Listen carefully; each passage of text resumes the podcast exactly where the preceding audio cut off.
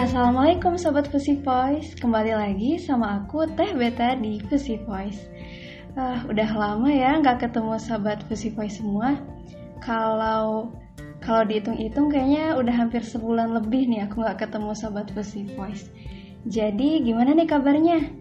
Semoga sehat walafiat ya, biar semua kegiatan Sobat Fusi Voice semua bisa lancar juga terselesaikan dengan baik. Nah, di episode kali ini aku tuh bakal ngebahas tentang organisasi. Apa sih yang bakal dibahas mengenai organisasi ini? Oke, kalau organisasi di kampus, sobat semua pasti tahu kan yang misalnya nama ya namanya BEM, terus UKM, atau Rohis Kampus. Nah, ini tuh contoh-contoh organisasi. Nah, tapi di sini aku mau memfokuskan pada satu organisasi aja, yaitu organisasi Islam. Nah, organisasi Islam ini itu pasti banyak macamnya ya. Nah, kalau yang paling familiar, uh, paling ini ya kayak rohis jurusan, atau rohis fakultas, rohis kampus, atau ada juga yang skala nasional kayak FDII, IKD, atau yang paling banyak dikenal sama Sobat Fusikos itu MUI lah ya kan. Nah, Biar gak panjang kali lebar lagi ya, jadi kita langsung aja nih ke pembahasannya. Nah, spesial di episode kali ini, aku nggak sendiri. Jadi kali ini di Fusi Voice kedatangan teteh keren, yang pastinya punya pengalaman keren juga nih. Nah, terutama di organisasi Islam. Oke, langsung aja ya kita panggil. Assalamualaikum Teh Dita. Waalaikumsalam Teh Beta. Apa kabar Teh? Ya alhamdulillah, aku baik aja. Gimana Teh Dita kabarnya juga? Wah, alhamdulillah senang banget ya bisa diundang ke Fusi Voice ya ini ya.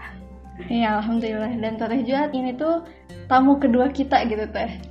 Wah, masya Allah berarti ya spesial. ya alhamdulillah ya Teh setelah kemarin juga chat yang cukup banyak, cukup lama juga akhirnya kita bisa ketemu juga maaf juga ya baru bisa nyempetin sekarang buat uh, ngisi di buat nggak sih saling berbagi ya di Fusi Voice ini. Iya. Ya walaupun kita juga sebenarnya ketemunya online gitu ya teh nggak nggak ketemu secara langsung. Uh, langsung aja ya teh ya, kita langsung ke pembahasan kita kali ini gitu ya teh. Boleh boleh boleh. Oke. Okay biar lebih afdol gitu ya teh boleh nih dari teh Dita perkenalan dulu nih biar sobat Fusi Voice semua bisa lebih mengenal teh Dita gitu. Boleh dari nama teteh atau asal teteh mangga teh. Oke okay, uh, eh, aku sapa dulu kali ya. Halo sobat Fusi Voice. Halo teh Dita. Semoga sobat semua uh, selalu dalam keadaan sehat selalu dalam lindungan Allah dan selalu apa ya diberkahi ya sama Allah insya Allah. Amin nah uh, kenalin nama aku Dita Diana Dewi atau bisa dipanggil Dita asalnya dari Sukabumi. Aku alumni dari Statistika Unpad angkatan 2016 itu mungkin teh. Ada lagi nggak uh, udah cukup teh. Okay. FYI juga nih. Teh beta juga dari Sukabumi sama kayak teh Dita wah ini. iya ya kita satu daerah. Iya teh. Aduh. Kebetulan banget ya teh ya? Mm-mm, kebetulan banget. Banyak juga sih anak statistik yang orang Sukabumi. Angkatan aku iya, di... ada hampir 6 eh 6 atau 7 gitu ya. Iya di aku juga lumayan banyak teh. Ada kayaknya empat orang, lima orang gitu termasuk aku.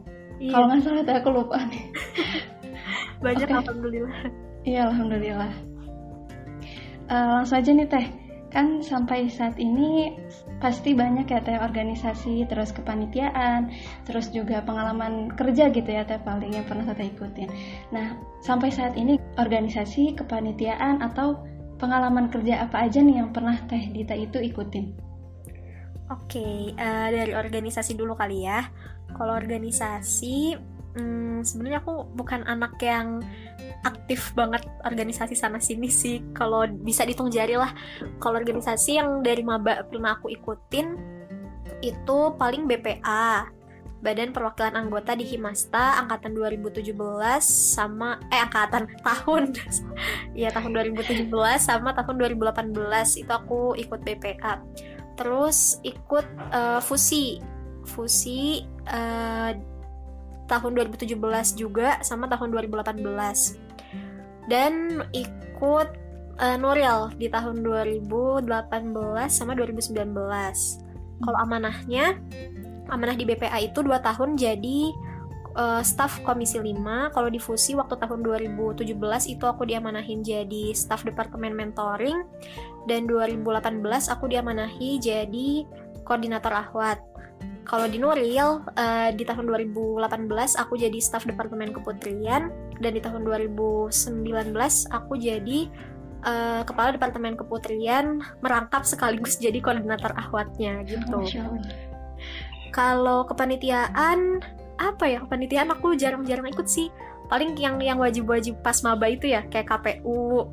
Iya itu. Terus, uh, terus SGT Statistics Got Talent itu kan wajib ya iya sama aku juga ikut teh iya pastilah itu anak stat wajib pokoknya terus apa lagi uh, paling kemarin sih pas 2019 pernah jadi panitia galaksi tahu kan galaksi Iya tahu teh. Aku juga tahun kemarin ikut teh lombanya. Oh, wih, masya Allah. Iya. Terus uh, ya itu sih kepanitiaan. Apalagi aku jarang sih ikut kepanitiaan lebih ke organisasi. Minatnya juga sebenarnya nggak terlalu minat ke, ke kepanitiaan. Kalau pengalaman kerja uh, sebenarnya nggak belum banyak ya karena alhamdulillah uh, sekarang Allah kasih kesempatan lagi buat uh, lanjut studi S2 di statistik Unpad juga. Kalau pengalaman sih paling pas kemarin setelah lulus itu sempat jadi tim survei sekaligus tim analisis data buat uh, pemilihan kepala daerah Kabupaten Sukabumi. Terus juga uh, sekarang masih tergabung sih uh, di jasa analisis data uh, namanya datanation.official. Kalian boleh follow ya Instagramnya kalau mau Siap. butuh konsultasi atau analisis data itu bisa uh, kontak ke situ. Itu sih paling kalau buat pengalaman kerja sama apa ya? Baru-baru ini masih itu sih hmm, ya masya allah banget ya ternyata sobat Fusi Voice uh, Teh Dita ini banyak gitu ya organisasi yang diikutin juga kepanitiaan gitu ya sama pengalaman kerjanya. Nah dari yang Teh Dita sebutin tadi itu kan tadi itu ada BPA, terus Fusi, juga Nuril gitu buat organisasinya. Nah dua di antara tiga organisasi yang Teh ikutin itu ternyata organisasi Islam gitu ya. Oh nah, iya iya. Mm, awal mula Teh Dita itu mau berorgan mau berorganisasi itu seperti apa Teh? Awal mulanya ya mau berorganisasi ini organisasi uh, ini berarti ya umum nggak nggak cuma Islam atau gimana? Iya organisasi umum Teh. Oke. Okay. Kalau kenapa awal mulanya pengen ikut organisasi? Sebenarnya pas zaman ospek tuh zaman SPL itu kan kayak cutting selalu ngedorong kita gitu ya buat aktif gak cuma di uh, kelas gak cuma di akademik gitu. Tapi kita juga sebisa mungkin uh, asah soft skill kita di uh, dengan ikut organisasi. Kayak gitu. Itu awal mulanya sih. Terus juga dari uh, keluarga gitu ya. Ya disaranin juga kalau bisa sih di kampus aktifnya ikut uh, organisasi kayak gitu. Jangan jangan sampai kayak ya udah gitu ikut di ikut belajarnya aja di kampus tuh. Kita juga harus kenal sama dunia luar karena ya banyaknya juga kan ya yang bilang setelah kita lulus nanti setelah kita uh, ya dapat kerja eh setelah kita ya kerja gitu ya. Saat kita mau kerja apa sih aku mau apa ya kayak gitu. Itu tuh banyak skill-skill yang uh, dibutuhkan yang yang mana skill itu tuh nggak kita dapetin di kelas tapi kita dapetinnya di organisasi. Itu sih yang akhirnya mendorong aku buat ikut uh, organisasi. Terus juga di organisasi tuh banyak banget kan uh, kita dapat circle baru dapat uh, pengalaman baru juga. Di mana yang kita tahu kan ya banyak banget yang bilang experience is the best teacher gitu. Dan dari organisasi juga banyak banget sih pengalaman yang aku dapat masya Allah pokoknya. Jadi alhamdulillah nggak nyesal sih. Sampai sekarang belum ada penyesalan yang mendalam gitu ya. Aku udah ikut organisasi nggak nggak sama sekali ada. Gitu sih masya Allah ya ternyata banyak juga gitu ya motivasi teteh untuk mengikuti organisasi. Nah sekarang lebih mengkhususkan ya teh kalau motivasi teteh itu untuk mengikuti organisasi Islamnya gitu. Oke. Okay uh, ya yang pertama tadi kan aku udah sebutin juga ya kenapa akhirnya aku ikut organisasi karena pengen punya pengalaman pengen dapat circle. Nah kenapa akhirnya aku memutuskan buat uh, terjun ke organisasinya itu organisasi Islam atau lembaga dakwah kayak gitu. Karena uh, selain yang aku dapat eh maksudnya yang aku apa ya pahamin gitu ya yang aku uh, dapetin ketika di organisasi dakwah uh, lembaga dakwah itu tuh ya uh, banyak nilai plus yang gak kita dapetin ketika kita ikutan lembaga dakwah eh lembaga uh, kemahasiswaan non dakwah apa sih lembaga yang bukan lembaga dakwah gitu ya Uh, uh, jadi uh, kan tadi yang aku bilang kalau misalkan aku ikut organisasi pengennya dapat ilmu organisasinya iya, dapat circle teman-teman baru iya. Nah di organisasi uh, atau di lembaga dakwah ini aku tuh bisa dapat semuanya. Jadi uh, lebih apa ya lebih dapat lebih dapat ilmu ilmu ilmu yang gak didapetin di lembaga non dakwah tuh ya aku dapat di lembaga dakwah. Dan ilmu ini ilmu yang aku maksud ini adalah ilmu syar'i kayak gitu. Jadi emang pengen apa ya pengen mendalami ya itu sih alasan alasan klasik sih ya. Pengen mendalami ilmu ilmu agama Islam. Uh, terus juga pengen dapat circle baru dan circle baru ini pastinya kita dapetin di, di lembaga dakwah tuh teman-teman yang soli dan solihah gitu kan ya. Iya pastinya. Dan yang mana uh, kita tahu kalau uh, di hadis tuh ketika kita uh, dipertemukan dengan orang-orang solih orang-orang solihah itu tuh insya Allah akan menjadi syafaat kita kelak ketika kita di yaumul his yaumul akhir kayak gitu. Dan sebenarnya kenapa akhirnya aku pengen ke organisasi dakwah? Karena ini sih uh, biar waktu muda aku tuh nggak terbuang sia-sia. Dan dengan ikut organisasi dakwah juga kan kita dapat ilmu organisasinya. Iya ilmu uh, soft skill soft skill yang kita dapetin di lembaga non dakwah juga kita dapetin di lembaga dakwah. Kayak gitu sih. Banyak nilai plus sih intinya. Iya, banyak gitu ya teh. Pengalaman juga benefit gitu ya teh. Iya bener banget. Nah teh uh, lanjut ya teh. Kan gini uh, pastinya kalau mengikuti organisasi itu pastinya uh, gimana ya rasanya campur aduk gitu ya teh. Maksudnya kadang senang juga kadang enggak gitu ya. Nah kalau yang teh Dita alamin gitu apa sih kesulitan yang teh Dita rasakan selama menjalankan amanah-amanah itu teh? Oke kesulitan. Sebenarnya kalau kesulitan eh, pas kuliah ya banyak banget sih. Kayak mulai dari apalagi waktu di tahun 2018-2019 gitu ya karena amanahnya juga lumayan uh, waktu 2018 jadi uh, korwat dan 2019 jadi kaput ketua keputrian gitu uh, yang mana kita tuh harus bisa ngehandle itu semua ketika staff kita nggak ada atau ya pokoknya harus bisa mungkin kita handle gitu dan yang aku rasain ketika waktu itu uh, kesulitan-kesulitannya itu sih staff yang hilang-hilangan mm -hmm. terus juga akademik ya uh, apalagi di semester 5 itu kan 2018 tuh berarti pas semester 5 itu tuh semester yang bener-bener berat banget menurut aku ya uh, semasa kuliah. Uh, bener-bener praktikum banyak terus tugas-tugas bener-bener numpuk banget dan di sisi lain kita juga harus uh, imbangin sama organisasi kita sama amanah kita di organisasi gitu. Ya sebisa mungkin kita harus bisa handle itu dan aku waktu itu agak keteteran sih jadi kayak beberapa proker nggak aku ikutin juga waktu difusi ya kayak gitu. Terus pas di Nuril pas yang jadi kaput itu uh, paling kendalanya deskripsi sih. Aku jadi kayak uh, kurang maksimal pas di Nuril tuh karena ya itu sebenarnya nggak bisa dijadiin alasan alasan sih. Cuma yang aku rasain itu ketika aku uh, skripsian jadi amanah aku sebagai ketua keputrian tuh nggak nggak yang aku bener-bener laksanain gitu loh. Mm -mm. terus apalagi ya itu sih berarti manajemen waktunya ya menurut aku. Sama sih teh. Sama aku juga selama uh, mengikuti apa ya organisasi gitu ya. Terus kuliah juga harus dijalanin pasti manajemen waktu sih teh. Ya paling susah untuk hmm. diatur gitu ya teh. Iya benar banget. Tapi uh, kita tuh dengan kayak gitu dengan kita begitu tuh itu tuh uh, sebenarnya melatih diri kita nggak sih kayak oh berarti kita harus uh, dengan kayak gitu kita harus bisa nentuin prioritas mana nih yang harusnya kita lakuin. Terus kita juga dilatih buat bisa manage waktu kita sebaik mungkin. Itu sih. Dan itu uh, nilai yang kita dapetin juga ketika kita ikut organisasi. Ya nggak sih? Iya tuh bener. Uh, masih berhubungan dengan apa yang udah Teh Dita apa sebutkan tadi gini.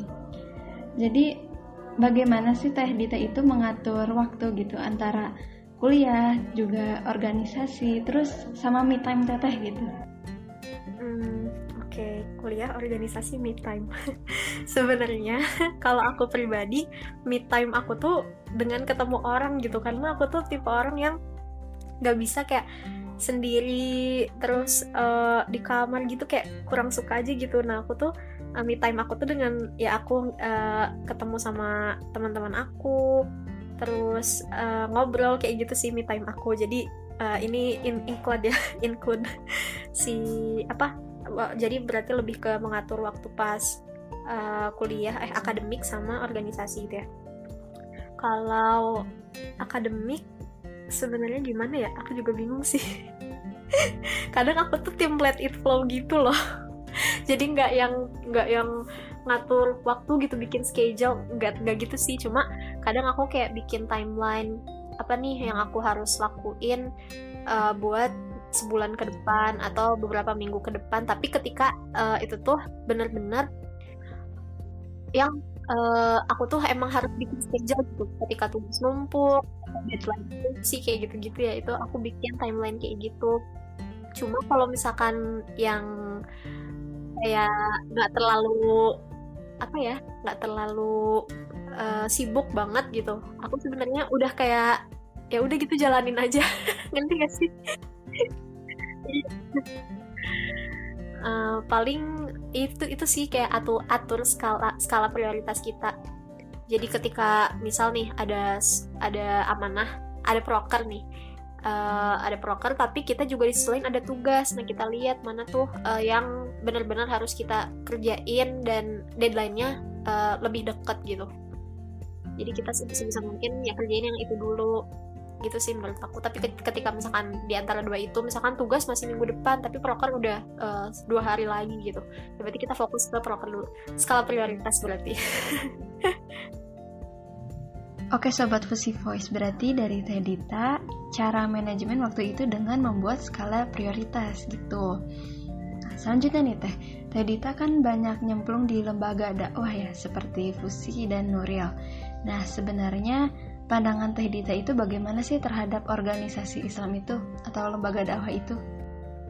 Pandangan tentang or organisasi Islam ya ba bagus lah ya dan harus banget di uh, kembangkan diikutin sama mahasiswa-mahasiswa muslim sih harapannya gitu ya dengan adanya lembaga dakwah ini karena uh, ya kerasa banget sih ya aku sebagai uh, alumni alumni Fusi dan alumni Nuril uh, banyak skill-skill yang didapetin dan banyak uh, apa ya ilmu-ilmu yang didapetin dan ilmu itu tuh kita bisa dapetin juga ketika uh, eh maksudnya ilmu ini tuh bakal kita lebih kita dapetin gitu. Uh, dibanding kita dengan ikut uh, organisasi mungkin ini orientasi kali ya lebih ke orientasi masing-masing orang ketika orang itu emang orientasinya akhirat dan uh, pengen belajar Islam kayak gitu uh, organisasi dakwah ini wajib banget diikutin sih menurut aku. Apalagi buat teman-teman yang lagi hijrah kayak gitu-gitu ya pas banget lah masuk organisasi dakwah da. Salah satu jalannya gitu ya teh. Terus apa ya uh, teman-teman sih teman-teman juga kerasa banget ketika kita lagi futur lagi kan yang namanya manusia ya iman itu naik turun. Terus juga ya nggak nggak mungkin gitu ketika, uh, ketika kita apa uh, futur kita tuh pasti aja ada aja gak sih males ibadah, males kajian, males apalah pokoknya pasti males. Nah teman-teman di organisasi dakwah di lembaga dakwah ini tuh bener-bener kayak yang ayo semangat kayak nyemangati terus kerasa sih menurut aku itu dan kita, kita tuh butuh banget teman-teman kayak gitu karena yang namanya baik itu nggak bisa sendirian kan ya harus ada lingkungan yang mendukung juga gitu sih menurut aku. Ya, terus teh uh, dari tadi ya kan yang udah teh Dita share gitu ke kita ternyata kan banyak nih teh prestasi yang teh Dita dapatkan gitu dan pastinya juga nih ada gitu orang-orang di belakang teteh yang mendukung atau sosok gitu yang dijadikan teladan gitu atau role model. Nah, sampai akhirnya Teh Dita itu kan bisa jadi Teh Dita yang sekarang gitu lah. Eh, Masya. Allah. Nah, boleh dari Teh Dita gitu cerita tentang orang-orang yang mendukung Teh Dita dan juga role model yang memotivasi Teh Dita. Oke, okay.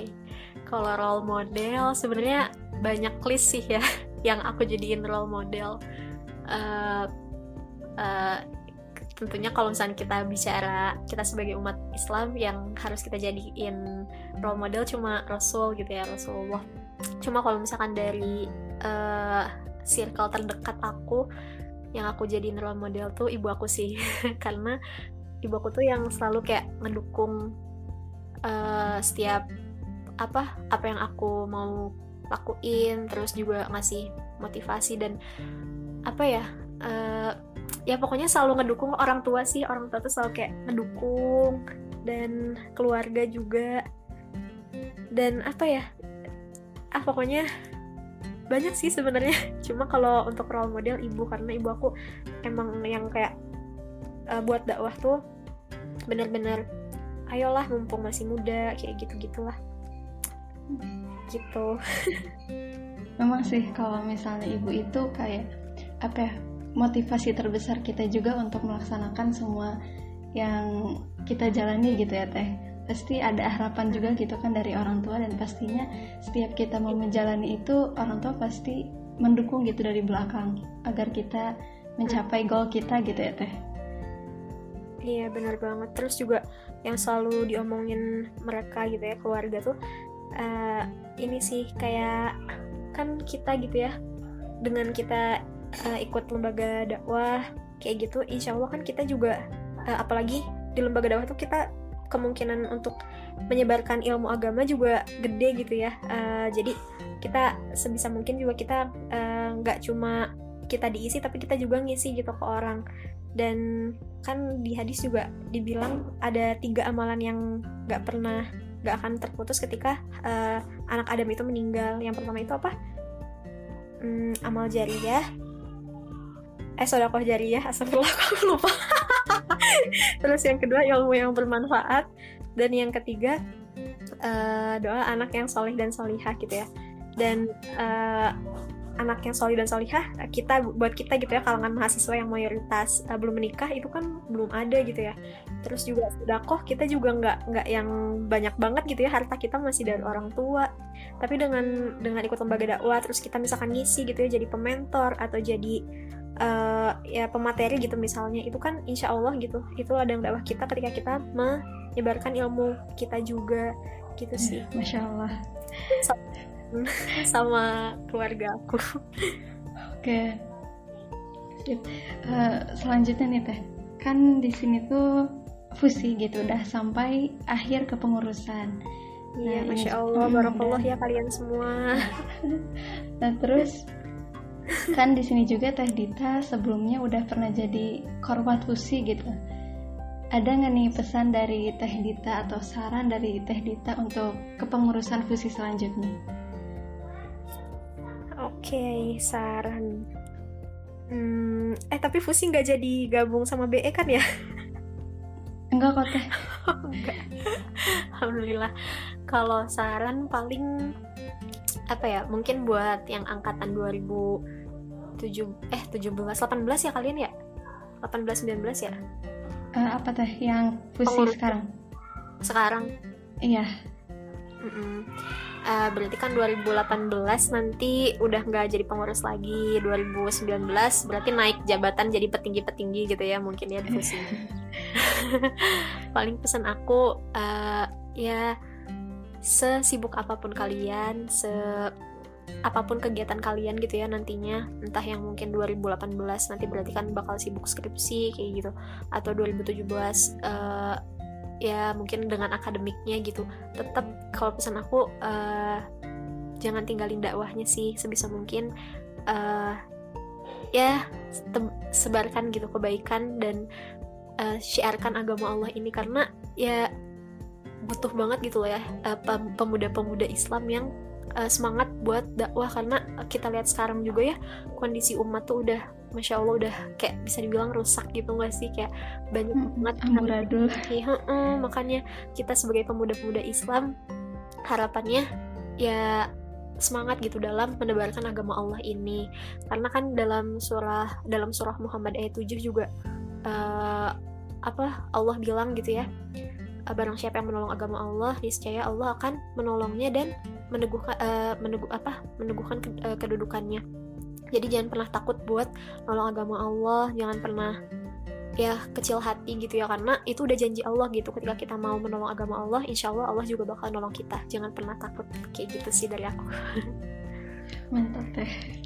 Dan terakhir teh yang pastinya ini juga sobat Fusi Voice itu pengen dengar dari teh Dita jadi yang terakhir ini pesan dan saran untuk sobat Fusi Voice yang benar-benar gitu untuk mengikuti lembaga dakwah gitu yang pengen-pengen mendalami lembaga dakwah. Oh, Oke, okay. buat sobat Fusi Voice yang mau gabung ke lembaga dakwah, organisasi dakwah gitu ya. Hmm, pokoknya jangan pernah berkecil hati, jangan pernah takut. Kadang kan orang ngerasa kayak ah, udah aku mah nggak pantas ikutan kayak gituan karena uh, apa masih jauh banget dari kata alim, masih jauh banget dari kata baik kayak gitu. Pokoknya jangan pernah ada kepikiran kayak gitu karena sebenarnya di lembaga dakwah sendiri pun itu tuh uh, uh, apa ya banyak orang yang kayak masih belajar kok kita sama-sama belajar di sana jangan pernah merasa ah aku mah masih masih nggak baik kayak gitu-gitu. Jangan pernah ada perasaan kayak gitu. Karena ya itu sejatinya kan manusia itu hidup emang untuk belajar kan. Jadi um, ketika teman-teman pengen ikut uh, lembaga dakwah ya berarti teman-teman juga pasti uh, pengen belajar gitu kan ya. Pokoknya jangan pernah ada perasaan kayak gitu. Dan uh, saran aku sih ikut buat teman-teman Fusi Voice ini ikut tetap ikut lembaga dakwah jangan ditinggalin. Karena kerasa banget sih ya bener-bener deh kalau dari aku ya kerasa banget itu tuh. Kayak bener-bener diketemuin sama teman-teman yang sefikroh sepemahaman teman-teman yang saling nguatin itu tuh bener-bener di lembaga dakwah sih menurut aku tuh. Mantep banget itu. Nah itu juga penting nih buat sobat fusi voice catat nih. Berarti saran dari teh Dita itu uh, kalau misalnya sobat fusi voice memang benar-benar ingin mendalami maka langsung aja gitu ya teh ikut lembaga dakwah. Karena di situ juga kita uh, pastinya mau belajar gitu teh. Iya benar banget. Mm -mm. jadi ya uh, paling segitu aja nih ya teh buat iya. percakapan kita kali ini. Dan masya Allah mohon banget kepada teh Dita yang udah mau berbagi pengalamannya ke kita iya. semua. Dan juga Mama, udah mau hadir gitu teh Oh iya, hmm. aku kalau ngomongnya agak aneh-aneh. aku juga agak OOT. Punten. Mohon maaf. Iya, punten pisan juga teh kalau misalnya uh, di percakapan kita kali ini aku juga masih ada yang kurang gitu teh enggak lah ya eh, semoga di podcast kali ini sobat Fusi Voice bisa mengambil manfaatnya gitu dan termasuk amin. aku juga alhamdulillah mendapatkan banyak ilmu dari Teh Dita kayak gitu amin oke sip jadi terakhir nah sobat Fusi Voice semua Jangan lupa untuk nantikan episode selanjutnya. Dan sebenarnya di episode ini episode terakhir untuk kepengurusan fusi ini. Nah, jadi buat buat sobat Fusi Voice semua tetap stay tune terus di podcast Fusi Voice. Kata Beta pamit undur diri. Wassalamualaikum warahmatullahi wabarakatuh.